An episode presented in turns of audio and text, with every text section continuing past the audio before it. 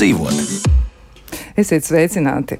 Es atradu kādu diezgan vecu ziņu, bet tomēr interesanti. Izrādās, ka 2015. gadā, nu, ja mēs ticam tiem datiem, tad uzņēmuma Lauma fabriks ražotnes ēka Liepājā Ziemeļielā 19 pēc platības bija desmitā lielākā ēka pasaulē. Un eh, tiešām iespaidīgi kvadrātmetri. Kvadrātmetru skaits bija 1100. 115, ne, 115 tūkstoši. Tā nu gan man gribas teikt, pilnīgi otrādi. 115, 645 kvadrātmetri, 505 metrus gara ēka un 229 metrus plata. Nu, tad diezgan iespaidīgs tiešām veidojums. Nu, diezin kā tas ir šodien. Varbūt, ka tagad jau ir citas ēkas eh, kļuvušas eh, par līderēm šajā sarakstā. Varbūt arī, ka viss ir savādāk. Bet, nu, liels īpašums diezgan pieder, vai tas ir privāts, vai tas ir arī kāds dalīts, tas jau nu ir cits jautājums. To es sīkāk nepētīju. Bet mēs šodien runāsim par kopīpašumu, par īpašumu un arī par visu to, kas uz to attiecas. Jo 1. maijā mm, stājās spēkā grozījumi civil likumā, ar kuriem tika noteikts arī jaunas e, normas, jeb jauni tiesiskie mehānismi, lai varētu arī palīdzēt atrisināt dažas tādas grūtas lietas. Nu, un e, par to mēs arī visu šodien runāsim. Un esam aicinājuši arī studijā viesus. Pie mums ir Augstākās tiesas senāta civilietu departamenta zinātniski analītiskais padomnieks Rihards Gulbis. Sveicināti! Labrīt! Un vēl esam aicinājuši arī pie mums eh, Latvijas Universitātes mācību spēku zvērnāt advokātu Jāni Lapsu. Sveicināti! Labrīt. Jāatzīst gan, arī otrs viesis, ja kurš jau tika iepriekš pieminēts, Rihards Gulbis, nu, viņš arī nodarbojas ar eh, mācību darbu, ja tad eh, gan jau, ka studenti arī jūs satiek citos apstākļos un jūs stāstāt arī par šīm lietām, gan jau, arī par kopīpašumu. Un vēl esam aicinājuši arī sarunā piedalīties zvērnāt advokātu Rolandu Neilandu. Sveicināti! Nu, lūk, un e, mūsu saruna būs veltīta tiešām kopīpašuma dažādiem nu, tādiem problemātiskiem jautājumiem. Un, e, nu, droši vien jau daudz ir dažādas lietas risināmas, bet patiesi tādas novitātes arī ir parādījušās. Nu, mēģināsim saprast, tad, kas ir kas. Un e, man arī jāatzīst, pašai ir bijusi darīšana ar kopīpašuma jautājumiem, un esmu mēģinājis tos atrisināt, un gan jau, arī maniem kolēģiem tieši tāpat ir kādreiz gadījies varbūt ar to saskarties. Nu, lūk, tad, Par ko tad tie jauninājumi? Varbūt es varētu uzdot arī pirmo jautājumu Rihardam Gulbim. Nu, tad par ko tad jauninājumi? Kāpēc tie bija nepieciešami? Ko tad tie palīdz atrisināt? Nu, kāda ir tā pamatideja? Jā, tā tad um, varētu teikt, ka tie, ja, tās izmaiņas ja varētu sagrupēt vairākās, vairākās daļās. Un, um, nu, teiksim, viena no būtiskākām izmaiņām ir tā, ka tagad uh, civil likumā jā, ir paredzēts jauns uh, sadalījums veids, um, kopīpašuma sadalījuma veids, sadalīt dzīvokļu īpašumos, kas līdz šim nebija likumā paredzēts, bet praksē bija nepieciešams. Turklāt um, tas arī novērš tādu jau senāku problēmu, ka nu, civillikums nebija um, teikt, gājis līdz laikam un nebija saskaņots ar ar dzīvokļu īpašumu likumu, kas paredz šo īpašumu formu, dzīvokļu īpašums, bet kā pāriet no kopīpašuma uz dzīvokļu īpašumiem nebija. Ņemot vērā, ka Latvijai ir daudz, arī daudz dzīvokļu mājas, kas nav sadalīts dzīvokļu īpašumos, bet ir virkne iegūmu sadalot dzīvokļu īpašumus, nu, tas tam ir tāda praktiska nozīme. Jāsaka, uz šo nepieciešamību modernizēt civilu likumu šajā sakarā norādīja augstākā tiesa 2019. gadā taisot uh, blakus lēmumu. Un, uh, Vēršoties arī pie likumdevēja, ka nu, šāda modernizācija būtu nepieciešama tieši arī norādot uz šo jauno uh, sadalījuma veidu. Tika veikti arī citi grozījumi, cits starp arī um, grozījumi, kas, nu, ja viņas varētu apvienot zem idejas, kā vērsties pret, uh, nu, jāsaka tā, negodprātīgiem kopīpašniekiem, kas uh, vai nu uh, nepiedalās kopīpašumu apsaimniekošanā, uh, vai arī dzēn.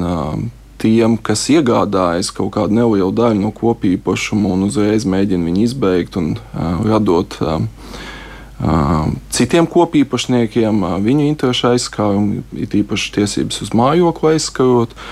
Nu, šeit ir vairākas lietas, kas tika ieviestas. Viena no tām ir tā tad, um, iespēja šādu kopīpašnieku daļu atsevināt pārējiem kopīpašniekiem. Nu, tad viņš prasa izbeigt kopīpašumu, bet tā vietā, lai izbeigtu kopīpašumu, tieši šī prasītāja daļa tiek atsevināta pārējiem. Jā. Tas ir viens aspekts. Otrs.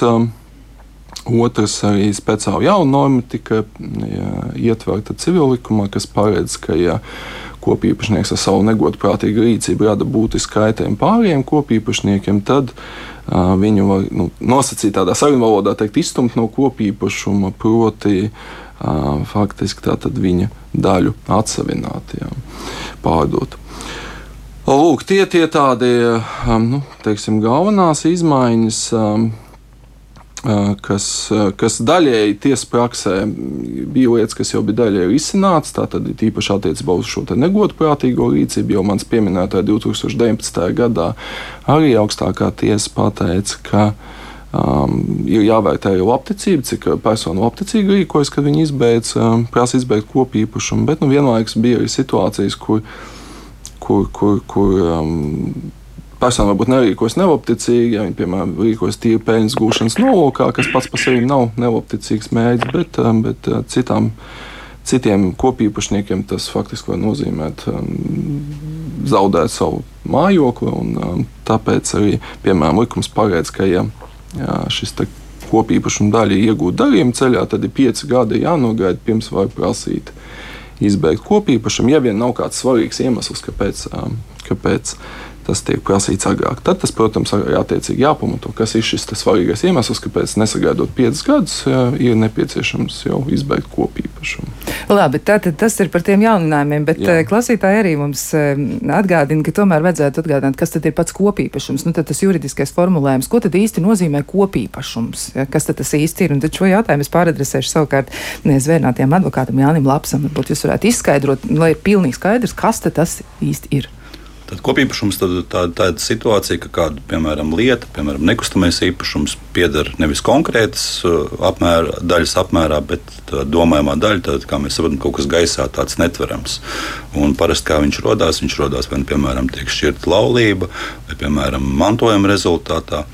Un, ka, piemēram, nu, nu, tiksim, cilvēks mirst, notiek mantojuma lietas uzsākšana, tad, protams, šie mantinieki var jau vienoties, ka, piemēram, šis īpašums tas pats teiksim, dzīvoklis vai māja vai zeme paliek vienam, pārējiem uzreiz izmaksā naudu. Ja nespēj vienoties, tad viņiem tiek apstiprināts šīs domājamās daļas, nu, piemēram, trīs mantinieki, katram viena trešā daļa. Un līdz ar to tad, nu, viņiem tad ir jāsadzīvo. Tad viņam jāvienojas par to, kādā veidā viņš šo lietu lietos. Tas arī nav tik vienkārši. Tāpat šī lieta ir jāuztur un tad, uh, jāpasargā no bojājējas, jāveic kaut kāda izdevuma apsaimniekošana, uzturēšana. Un tad varbūt, ja tie ir kaut kādi radinieki, varbūt Viņi strīdās jau, jau pašā sākumā, varbūt viņi arī nestrīdās, bet bieži vien tā problemātika, un arī tas, ko jau Rihards ieskicēja, notiek tad, ja, piemēram, teiksim, šajā mantojuma gadījumā kāds no vienas, tri, vienas teiksim, tas, no trījiem, kā manā piemērā, ka viņš zaudē šo domājumu daļu, piemēram, parāda saistību dēļ Tas var būt gan bankas kaut kāds kredīts, vai, piemēram, uzturlīdzekļu, vai kaut kāda valsts vai pašvaldību prasījuma, administratīvais soda vai krimināla eh, tiesiska jautājuma risināšanā. Un tad ienāk iekšā kāda sveša persona. Un tad ienāk tā sveša persona, un tad, protams, tas uzreiz paliek savādāk, un tad jau viņi mēģina risināt. Jā, nu tad, tad eh, tur varētu būt daudz dažādu problēmu. Un varbūt arī šis, šis ir mirklis, kad mēs varam iesaistīt arī Rolandu un Eilandu zvērnāt advokātu arī sarunā. Varbūt jūs varētu raksturot nu, tās biežākās situācijas, par kurām tad jums nākas domāt un ar ko tad vēršas cilvēki pie jums. Nu, droši vien tā amplitūda ir gandrīz vai bezgalīga, ir dažādas lietas, ko viņi mēģina atrisināt, bet kas ir tas, ar ko jūs saskaraties praksē visbiežāk? Jā, vis, visbiežāk tie gadījumi ir tādi, ka cilvēki tieši tā kā kolēģis labs teica par mantojuma ceļā iegūtu kopīpašumu izbeigšanu vai arī laulības šķirot iegūstot eh, domājumās daļas no īpašuma. Attiecīgi rezultātā nevar sadzīvot šie cilvēki, kas iepriekš varbūt ļoti labi sadzīvoja. Un tad vēlās izstāties no kopīpašuma un izbeigt. Un, protams, tad jau tā situācija veidojas tāda, ka katrs vēl deķi uz savu pusi. Kurš grib visu īpašumu, kurš grib naudu un tam līdzīgi. Tie ir tādi izplatītākie strīdi. Taču bez šiem ir tā vesela grupa ar strīdiem, kas ir, kā Rikārds teica, ko sanāca arī 2019. gada 17. decembris spriedumā un blakus lēmumā norādīt tā saucamie kopīguma reidīšanas gadījumi. Tas nav juridisks termins, bet tāds sarunvalodas termins. Te šajos gadījumos ir tā, ka, kā jau kolēģi norādīja, ir tiek iegūtas domājumās daļas. Tās parasti tiek iegūtas vai nu privātiesas darījuma rezultātā, brīvprātīgā rezultātā, vai arī piedaloties izsolēs, tad, kad uz nekustamā īpašuma ir vērsta piedziņa. Tiek iegūts neliels apjoms domājumās daļas no nekustamā īpašuma, un secīgi uzreiz tiek celta prasība tiesā par kopīpašumu izbeigšanu. Un prasot, piemēram, visa nekustamā īpašuma pārdošanu izsolē. Un tas sanāk veidojot tādu diezgan vienkāršu matemātiku, iegūstot domājumās daļas par salīdzinoši nelielu atlīdzību. Tad, ja īpašums tiek gala rezultātā tiesas procesa beigās pārdots izsolē, tad, tad uh, ieguvums var būt 5 vai pat daudzas reizes vairāks, lielāks. Un tas ir tāds negodprātīgs biznesa modelis, bet pret to jau ir, kā Rikards pareizi norādījis, senāts jau ir norādījis, ka šāda veida praksa nav atbalstāma, ka semnieciskās gūšanas uh, nolūkos iegādāties kopīgas un domājumās daļas pats par sevi nav aizliegta darbība, bet ja šī darbība ir vērsta uz to, lai nodarītu kaitējumu citām personām, no citu personu rēķinu gūtu mantisku labumu, aizskarot šo personu likumiskās tiesības uz mājokli, tad, attiecīgi, šī darbība nav atbalstāma, tā ir pretēji labas ticības principam, un līdz ar to tad tā nedrīkst gūt tiesas aizsardzību.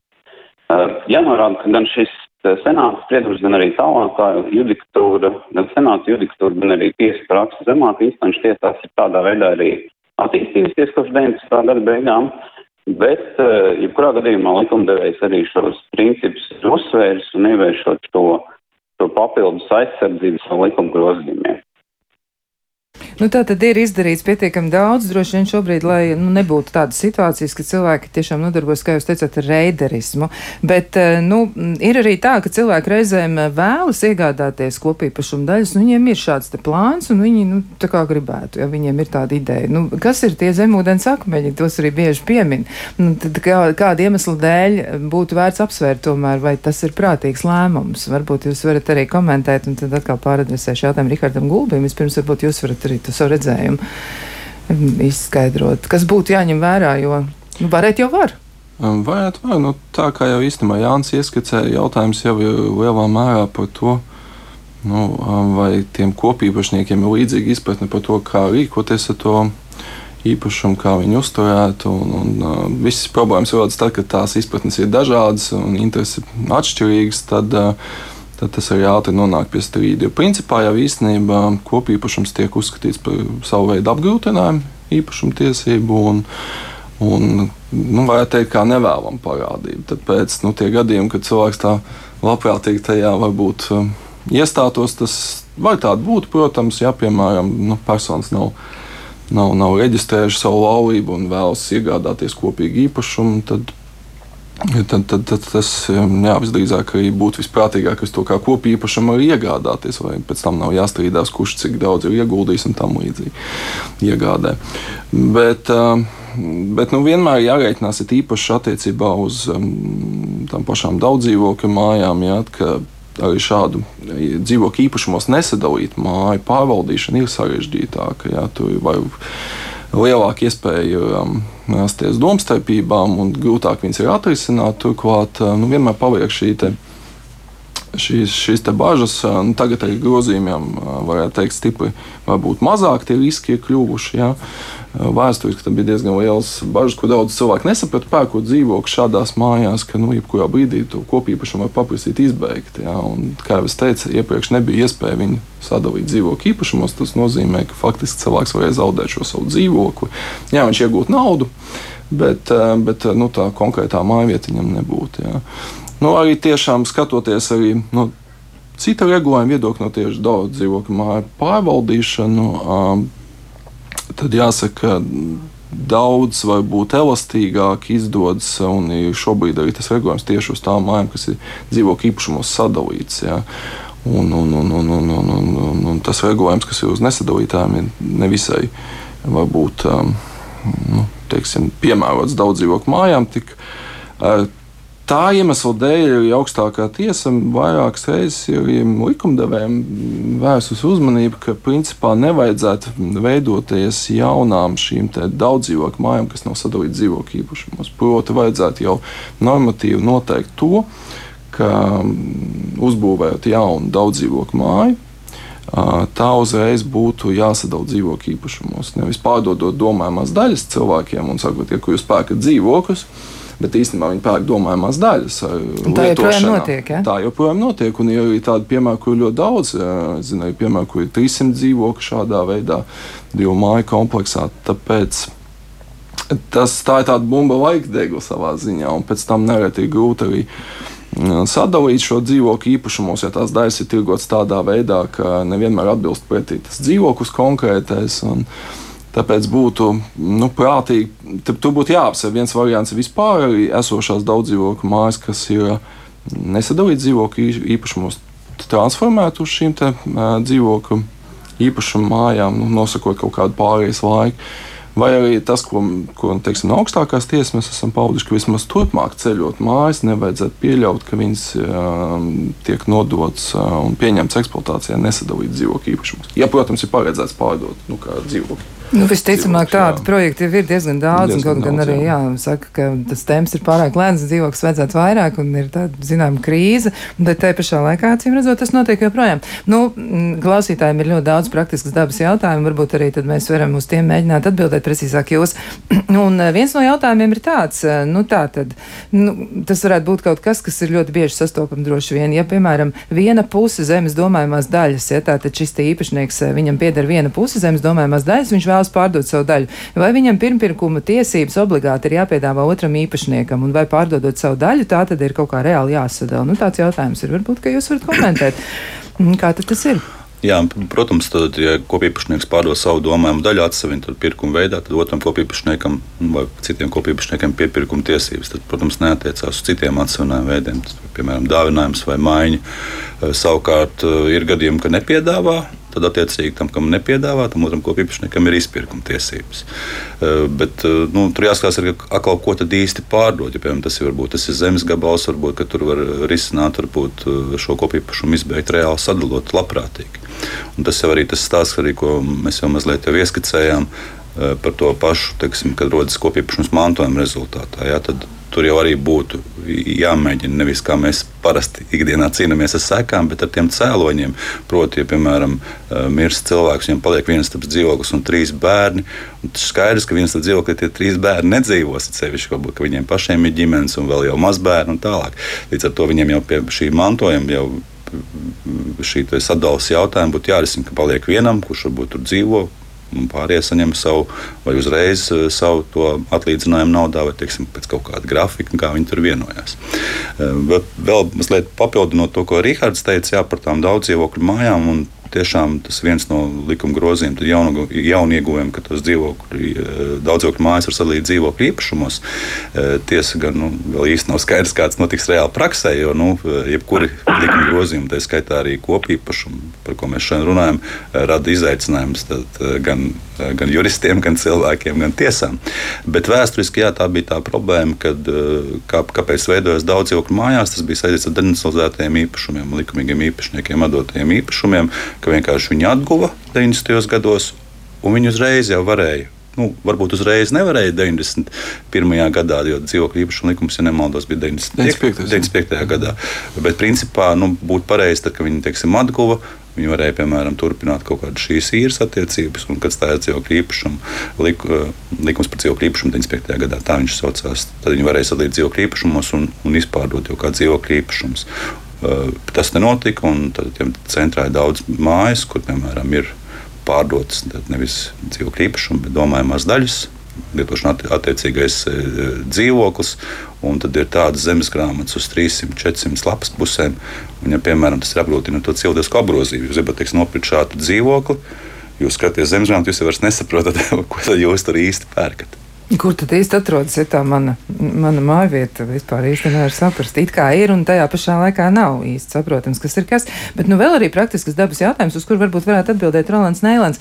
Mm, te ir arī tāds jautājums par to, nu, par, piemēram, par apsaimniekošanu, un arī noteikti jūs praksē jūs saskaraties ar tādiem, nu, tādiem ļoti tiešiem jautājumiem. Un, piemēram, viena klausītāja raksta tā, ka daudz dzīvokļu mājā kopīpašums ir arī siltums sistēma. Un šobrīd ir iespējams uzstādīt individuālos siltums skaitītājus, un, un to var izdarīt tikai tad, ja piekrīt piekrīt 50,2%. Ja, tātad nu, 50 un mazliet vairāk. Ja, un tas eh, padara šo enerģijas taupības veidu faktiski neiespējamu. Ja, klausītāji raksta, viņi ir procesā, bet tas ir ļoti sarežģīti. Nu, es iedomājos, ka viņas šobrīd ir situācija, droši vien staigā pa dzīvokļiem, mēģina to piekrišanu arī dabūt no katra. Un, eh, vai ir iespējams izmaiņas arī šajā likumā, jau kādā juridiskā regulējumā, jo uzstādot skaitītājus pārējiem iedzīvotājiem, nu, vai viņiem nebūs jāmaksā par siltumu vairāk? Nu, tas ir ļoti loģisks jautājums, vēl jau vairāk arī nu, apsverot to, kas mums sagaida šajā ziemā. Nu, cilvēki tiešām daudz par to domā. Nu, varbūt, eh, Neilanda kungs, jums ir kāds komentārs par šo? No komentārs īstenībā ļoti vienkārši. Šajā gadījumā kundze var priecāties par to, ka viņi visticamāk dzīvo dzīvokļu īpašumos nesadalītā mājā. Jo, respektīvi, viņai tad ir nepieciešams 50% eh, plus viena dzīvokļa balss, lai varētu šos ūdens skaitītājus, eh, siltums skaitītājus ievietot dzīvokļos. Bet tajos gadījumās, kad tā ir māja, kas nav sadalīta, sadalīta dzīvokļu īpašumos, tajā gadījumā nepieciešams 100% balsu, balsu lai varētu kaut ko darīt, jo tas ir kopīgšana priekšmets un rīcība ar kopīgšanu priekšmetu ir pieļaujama tikai visiem kopīgšniekiem un to atbalstot. Tā kā, tā kā jā, nu, tāds, tāds ir tas komentārs pēc būtības, bet attiecībā uz kaut kādām izmaiņām, nu jāsaka tā, ka šobrīd dzīvokļu īpašuma likums ir ļoti liberāls. Kvotas, balsojuma kvotas, kas bija agrāk noteiktas, bija daudz augstākas, un līdz ar to nu, tik daudz, kā pārvarēt šo 50% barjeru, manuprāt, nu, tas, ir, tas ir programma minimums, kas ir jāspēj izpildīt, lai varētu reāli kaut ko arī izdarīt. Tas, kas ir no prakses novērojams, kas ir, kas ir pavisam uh, cita situācija, ka šobrīd atsevišķi dzīvokļu īpašnieki izdomā, ka viņi atslēgsies no kopējās siltuma apgādes sistēmas, kas ir tieši kopīgi esoši arī atsevišķos dzīvokļos un līdzās mājās, un uzstādīs savu siltuma apgādi. Uh, tas šāda veida rīcība ir pilnīgi pretlikumīga un tāda rīkoties nedrīkst. Bet šāda tendence pēdējā laikā ir parādījusies. Nu, rekā, tā tad daudz dažādu lietu, kas tomēr ir jārisina vēl, eh, domājot par nākotni. Nu, vēl arī varbūt jūs varētu vēl uz vienu jautājumu atbildēt, arī tāds ļoti praktisks dabas jautājums. Mm, viena no klausītājiem raksta, ka mājā ir pieci dzīvokļi un pieciem īpašniekiem ir domājumās daļas. Četros dzīvokļos viss ir labi un ir arī hipotēkas, ja nu, tad, tur tie jautājumi tiek risināti un cilvēki par to domā. Viens dzīvoklis ir apgrūtināts ar padomu laiku īres līgumu. Tur nedzīvo ne īpašnieki, ne īrnieki, un tie arī nevar savstarpēji vienoties par to, ko tad darīt ar to īres līgumu. Un attiecīgi mājas uzturēšanā Uzņemšanā iesaistās tikai četri dzīvokļi, uz sevi paņemot arī piektā dzīvokļa izmaksu daļu.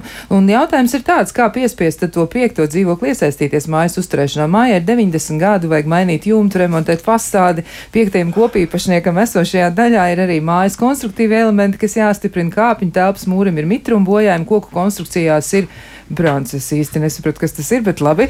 Mm, tā tad ir kaut kāda problēma un pamats un notaks jau esam sakārtojuši paši, pielāpām jumtu laiku pa laikam arī paši, bet kaitina, ka naudu ieguldām mēs, bet labumu gūst arī tas īpašums, kurš nu nekā neiesaistās. Un arī kopīpašuma daļas, no nu, kurām pat gribētam nevaram piekļūt, ja nu, mums tās vajadzētu apsaimniekot, bet lai tās neiet postā. Nu, tāda situācija. Neilanda kungs, nu, Jūs arī nu, tādas praktiskās pieredzes, jūs daudz ar to darbojaties. Nu, varbūt jums arī šajā ziņā ir kāds padoms. Nu, kā tad risināt šo jautājumu?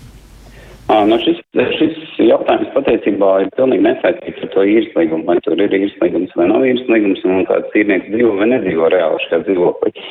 Pēc dzīvokļa ir tā, ka nepieciešamie izdevumi, kas ir nepieciešami, lai ēka nebojātos, lai saglabātu tās funkcijas un tam līdzīgi, ka tos ir jāiegulda visiem kopīpašniekiem atbilstoši viņu domājamo daļu apmēram. Respektīvi, proporcionāli katram piedarošajam domājumam daļām viņam ir jāsadz nepieciešami izdevumi. Un līdz ar to šādā situācijā kopīpašnieki, kuri veids ieguldījumus un maksā remontu, remontus par jumtu nomaiņu un tam līdzīgām vajadzīgām obligāti nepieciešamām uh, lietām mājai, tie var prasīt no šī piektā kopīpašnieka, lai viņš sedz viņiem šo nepieciešamo izdevumu atlīdzību proporcionāli domājam daļām, uz kas vēl likumā noteikti, likumā noteikti, šī atlīdzība līdztekus ir jāmaksā arī procenti, likumiskie procenti, kas šajā gadījumā ir 6%. Tas ir tāds, nu, no tādu izdevumu piezīmes uh, viedokļa. No praktiskās puses šis jautājums patiesībā, ja gadījumā ir nepieciešama būvdarbi, bet būvdarbi, kur, kur var iztikt bez būvatļaujas, šis jautājums salīdzinoši vienkārši. Tad attiecīgi tos darbus var veikt un tālāk prasīt šo steidzības piezīmi.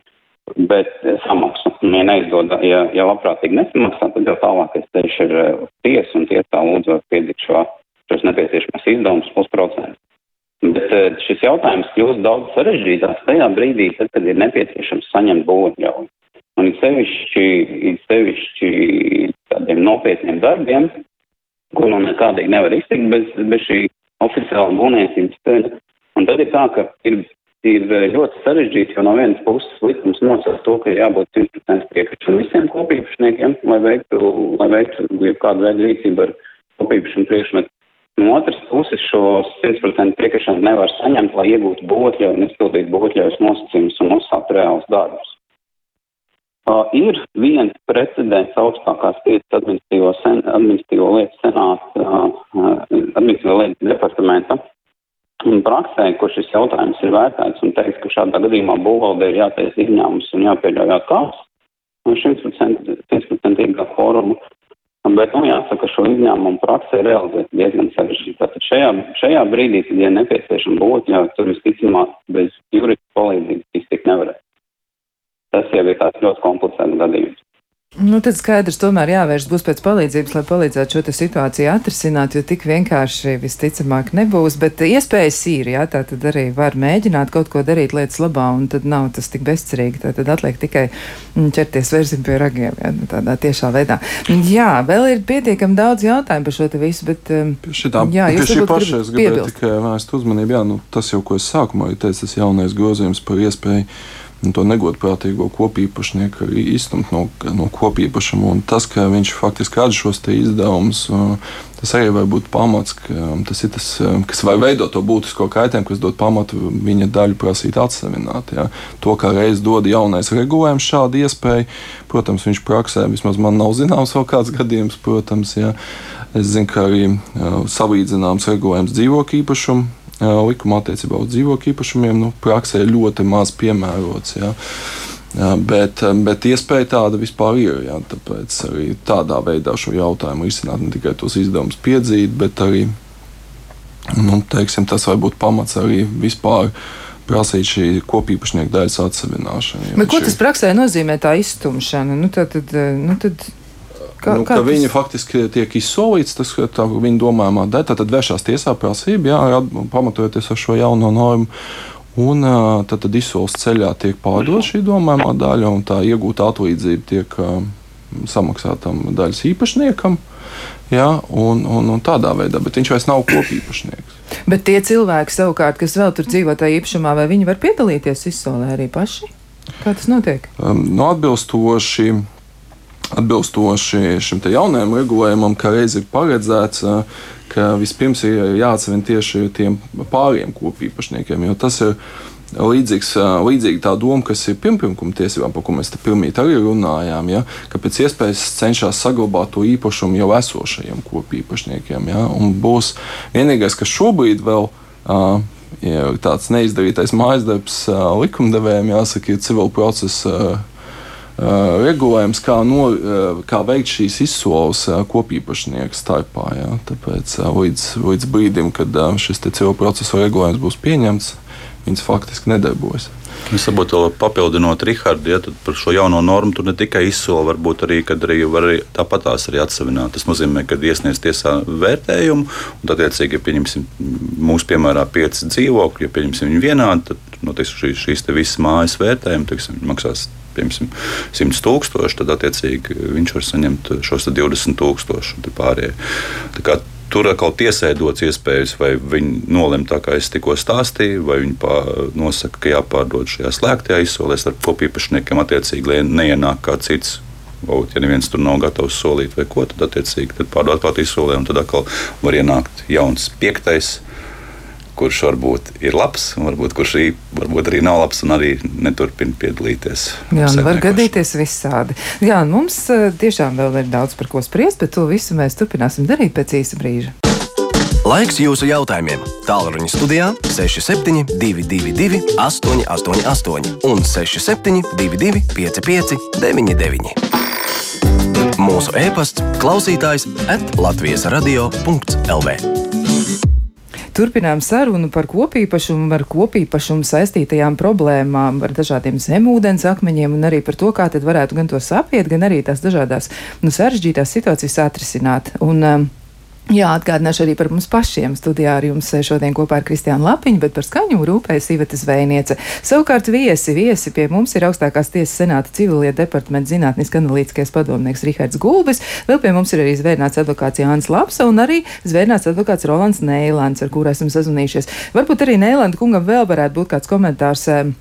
Nu, par šo siltumu iekārtu kopīpašumu. Ja, jo nu, klausītāji tomēr viņi nav apmierināti ar mūsu atbildi. Viņiem gribētos, lai tur ir kaut kas vēl, nu, kāds skaidrojums, ja, jo nu, īsti nav saprotams eh, šobrīd krīzes situācijā, kāpēc jāsaglabā likuma normas, kas traucē attīstībai. Ja uzstādot siltumu skaitītājus atsevišķos dzīvokļos, pārējiem iedzīvotājiem nav jāmaksā vairāk, un tātad tas nekādā veidā neietekmē citus iedzīvotājus, kas šo siltumu skaitītājus nevar vai nevēlas uzstādīt. Nu, tad viņas jautājums ir, vai tas nav likums, likuma pēc, lai bremzētu attīstību. Nu, kāds varētu būt arguments, kāpēc tomēr šādam likumam vajadzētu pastāvēt? Varbūt jums ir vēl kāds skaidrojums papildus, ko jūs varētu sniegt klausītājai.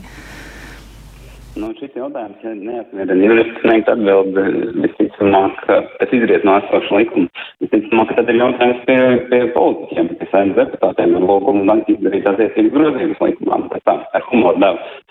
Bet nu, jāsaprot tas, ka nav nu, reāli tiesības vienmēr iet nedaudz solīt nopakaļ reāliem dzīves, dzīves apstākļiem. Tad kādā situācijā mēs šobrīd dzīvojam valstī, nekad mēs bet arī citas valsts Eiropā, vai pat Austrum Eiropā, nu, tas ir bezprecedenta gadījums un, un skaidrs saprotams, ka cilvēciskie apgrozībā pieņemtie likumi nevar tā pēkšņi citas kritieni pamainīt tikai tāpēc, ka mainās, mainās politiskie un dažādi, dažādi citi apstākļi pasaulē.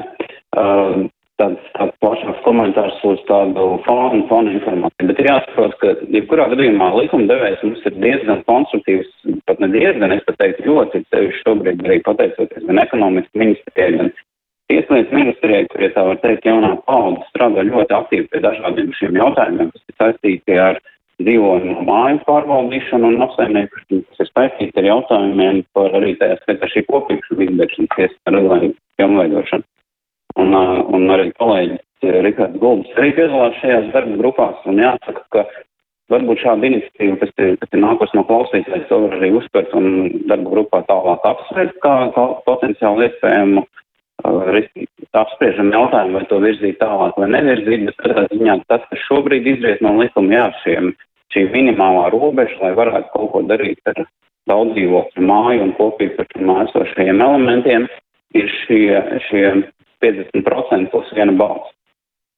Un to nu, īsti nekā apiet nevar. Un kamēr likums netiek grozīts, tikmēr ar to ir jārēķinās. Nu, tā tad ir tā, kā ir. Jā, jā nu, tā tad tas ir jāņem vērā. Labi, to tad mēs liksim aiz aus, bet uh, vēl ir kaut jā, kas piebilstams. Pie šī paša jautājuma, jā, kā jau Helāns pateicis, arī darba grupās piedalās un arī Augstākā tiesa vairākas lietas rosinājusi arī ekonomikas ministrijai tieši attiecībā uz pārvaldīšanas jautājumiem daudz dzīvokļu māju. Viena no tām lietām ir ņemt vērā tādu, ir vairākās ārvalstīs, Austrijā, Vācijā, ir tāda iespēja kur atsevišķi dzīvokļu īpašnieks var vērsties pret visiem pāriem, pret kopību tā saucamo, un prasīt kaut kādu nepieciešamu darbību, kas ir jāveic mājā. Un, ja um, kaut kādu iemeslu dēļ dzīvokļu īpašnieki, bet nepamatot iemeslu dēļ faktiski neakceptē šo ierosinājumu, tad uh, panākt šo lēmumu tiesas ceļā. Tas tāds Latvijā šobrīd nav tāda mehānisma. Ja. Nu, līdz šim ekonomikas ministrija bijusi diezgan um, atsaucīga šim ierosinājumam. Cerams, ka arī tas uh, kaut kādā brīdī transformēsies grozījumos. Uh, Otra lieta, kas varētu arī risināt šo jau ieskicēto problēmu, cik es zinu, tad ekonomikas ministrija jau apsver iespēju ieviest to principu, kas ir mums Igaunijas kaimiņiem un um, atkal tiem pašiem austriešiem, ka ņem vērā nevis 50 plus 1 no visiem dzīvokļu īpašniekiem, bet no tiem, kas piedalās attiecīgajā balsošanas procedūrā. Nu, piemēram, tā doma varētu būt, ka ja nu, pirmo reizi uh, sapulcē, kā tas ļoti bieži praksē, diemžēl, notiek, nesanāk nepieciešamais cilvēku skaits. Jā. Tur ir vairāk iemeslu, par kuriem es varbūt nerunāšu. Tur, tas ir garāks stāsts, jā, bet, um, bet tas nav tikai Latvijā, tas ir arī pašā Austrijā. Tam līdzīgi. Tad pietiek sasniegt vairākumu no tiem, kas piedalās balsojumā, kas ir faktiski nozīmē mazāk nekā 50 plus 1.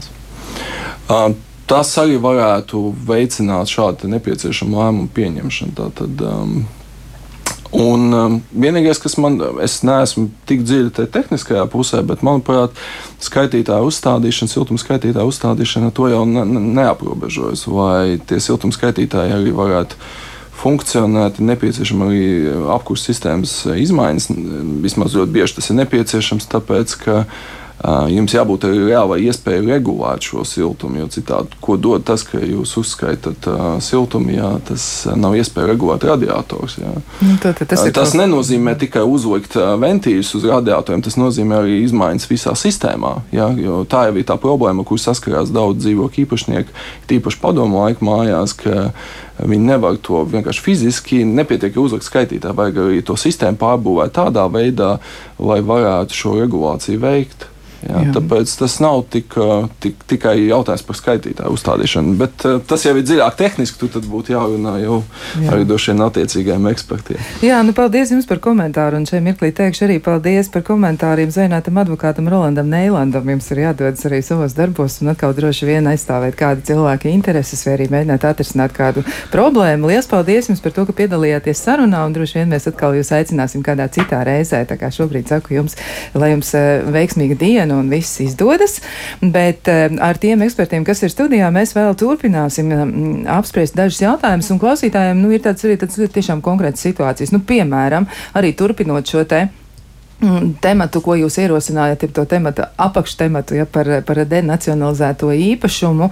Mm, mums ir jautājums, ja, tad, eh, ja es pareizi saprotu, kā raksta klausītājs, tagad var vērsties tiesā un prasīt kopīpašumu izbeigšanu. Ja man ir domājumā daļa no denacionalizēta īpašuma, nu, kā tad ir? Jā, protams, ka tagad var to darīt. No pagājušā gada maija, bet eh, nu, sākumā tomēr būtu ieteicams mēģināt vienoties visiem kopā.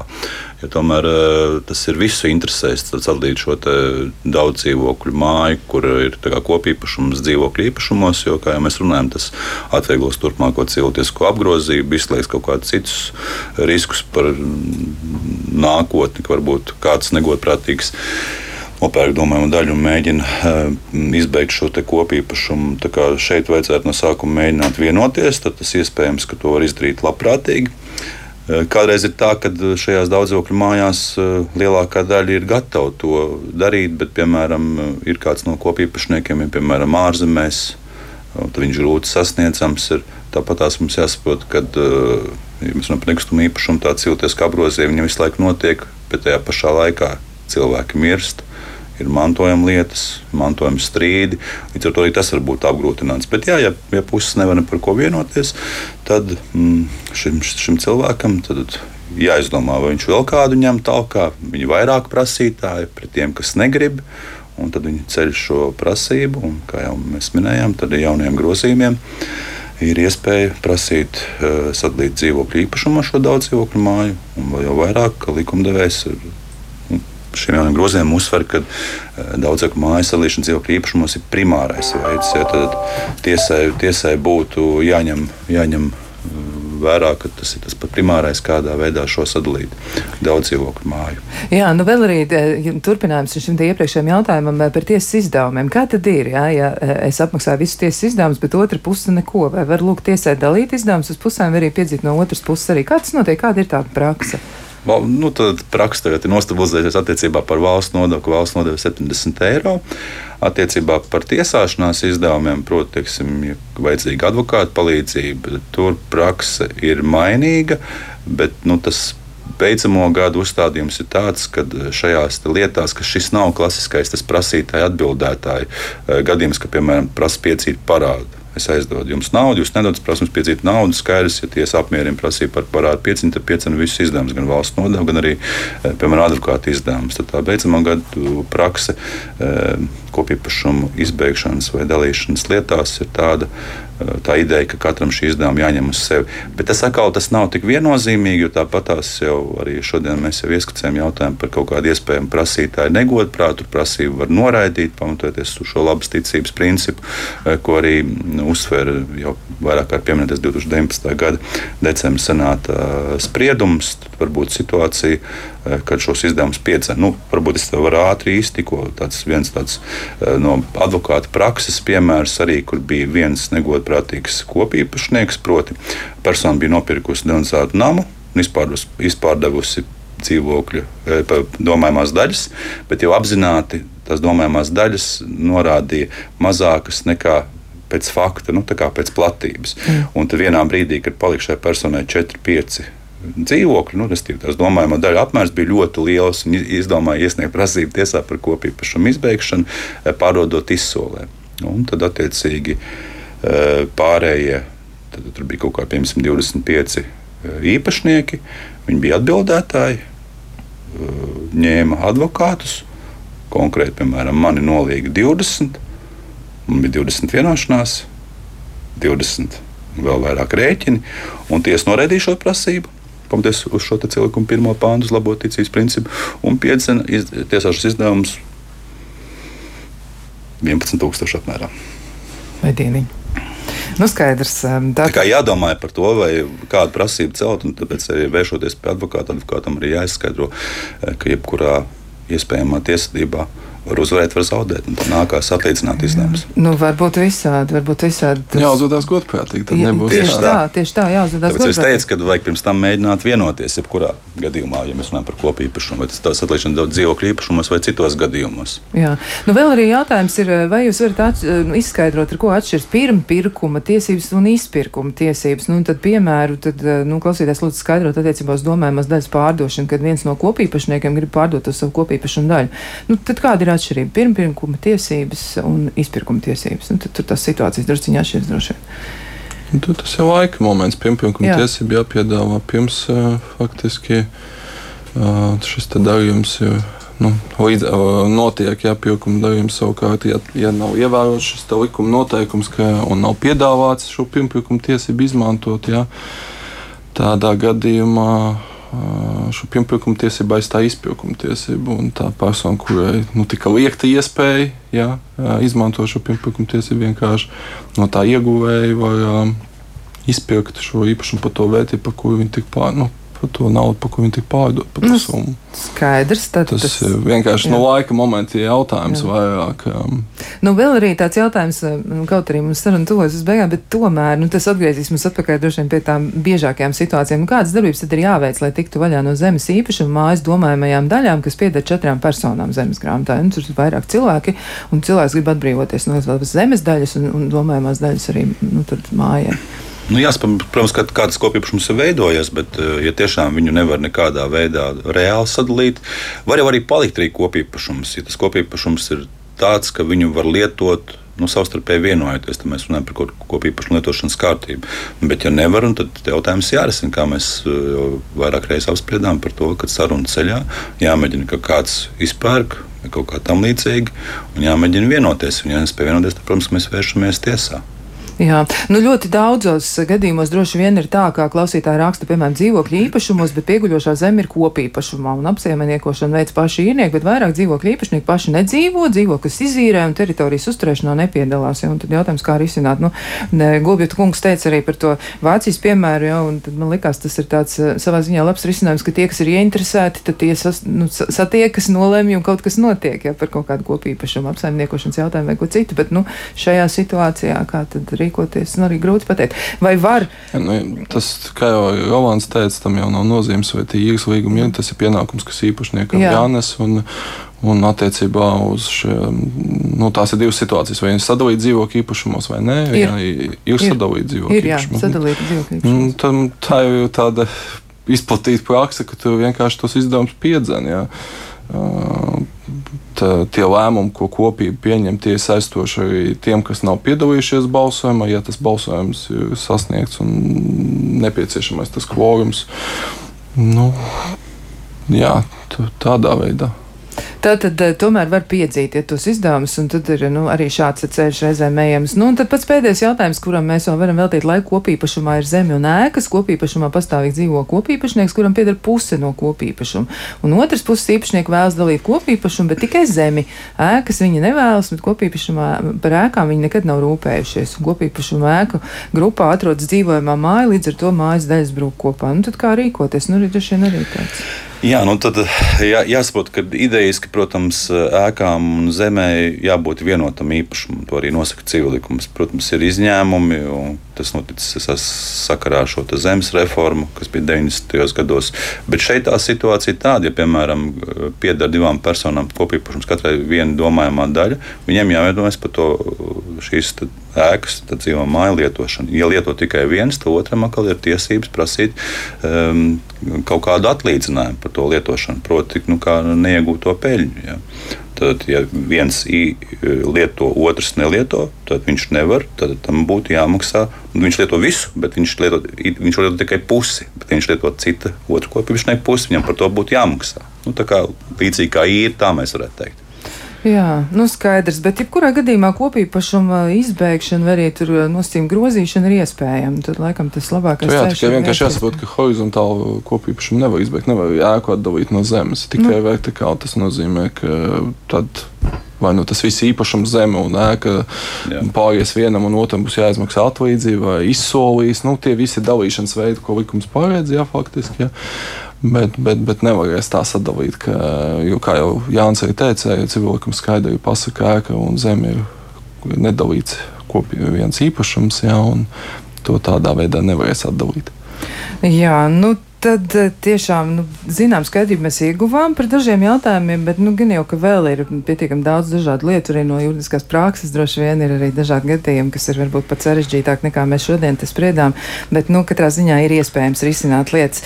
Jā, paldies jums liels par to, ka piedalījāties sarunā un izskaidrojāt mums, ko un kā darīt kādās situācijās. Un paldies, es saku augstākās tiesas senāta civilietu departamenta zinātniskam analītiskiem padomniekam Rihardam Gulbim un arī zvērnātiem advokātam Jānim Lapsam. Un, uh, atgādināšu, jā, vēlreiz, nu, kas tad mēs bijām tie pārējie, kas piedalījās un klausījās, un arī mēs noteikti izmantosim šīs lietas. Proti, tā bija radījuma producenta Loreta Bērziņa, kur rūpējās par šī temata sagatavošanu, un arī par skaņu.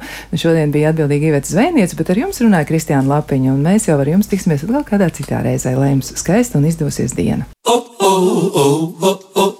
Kā labāk dzīvot?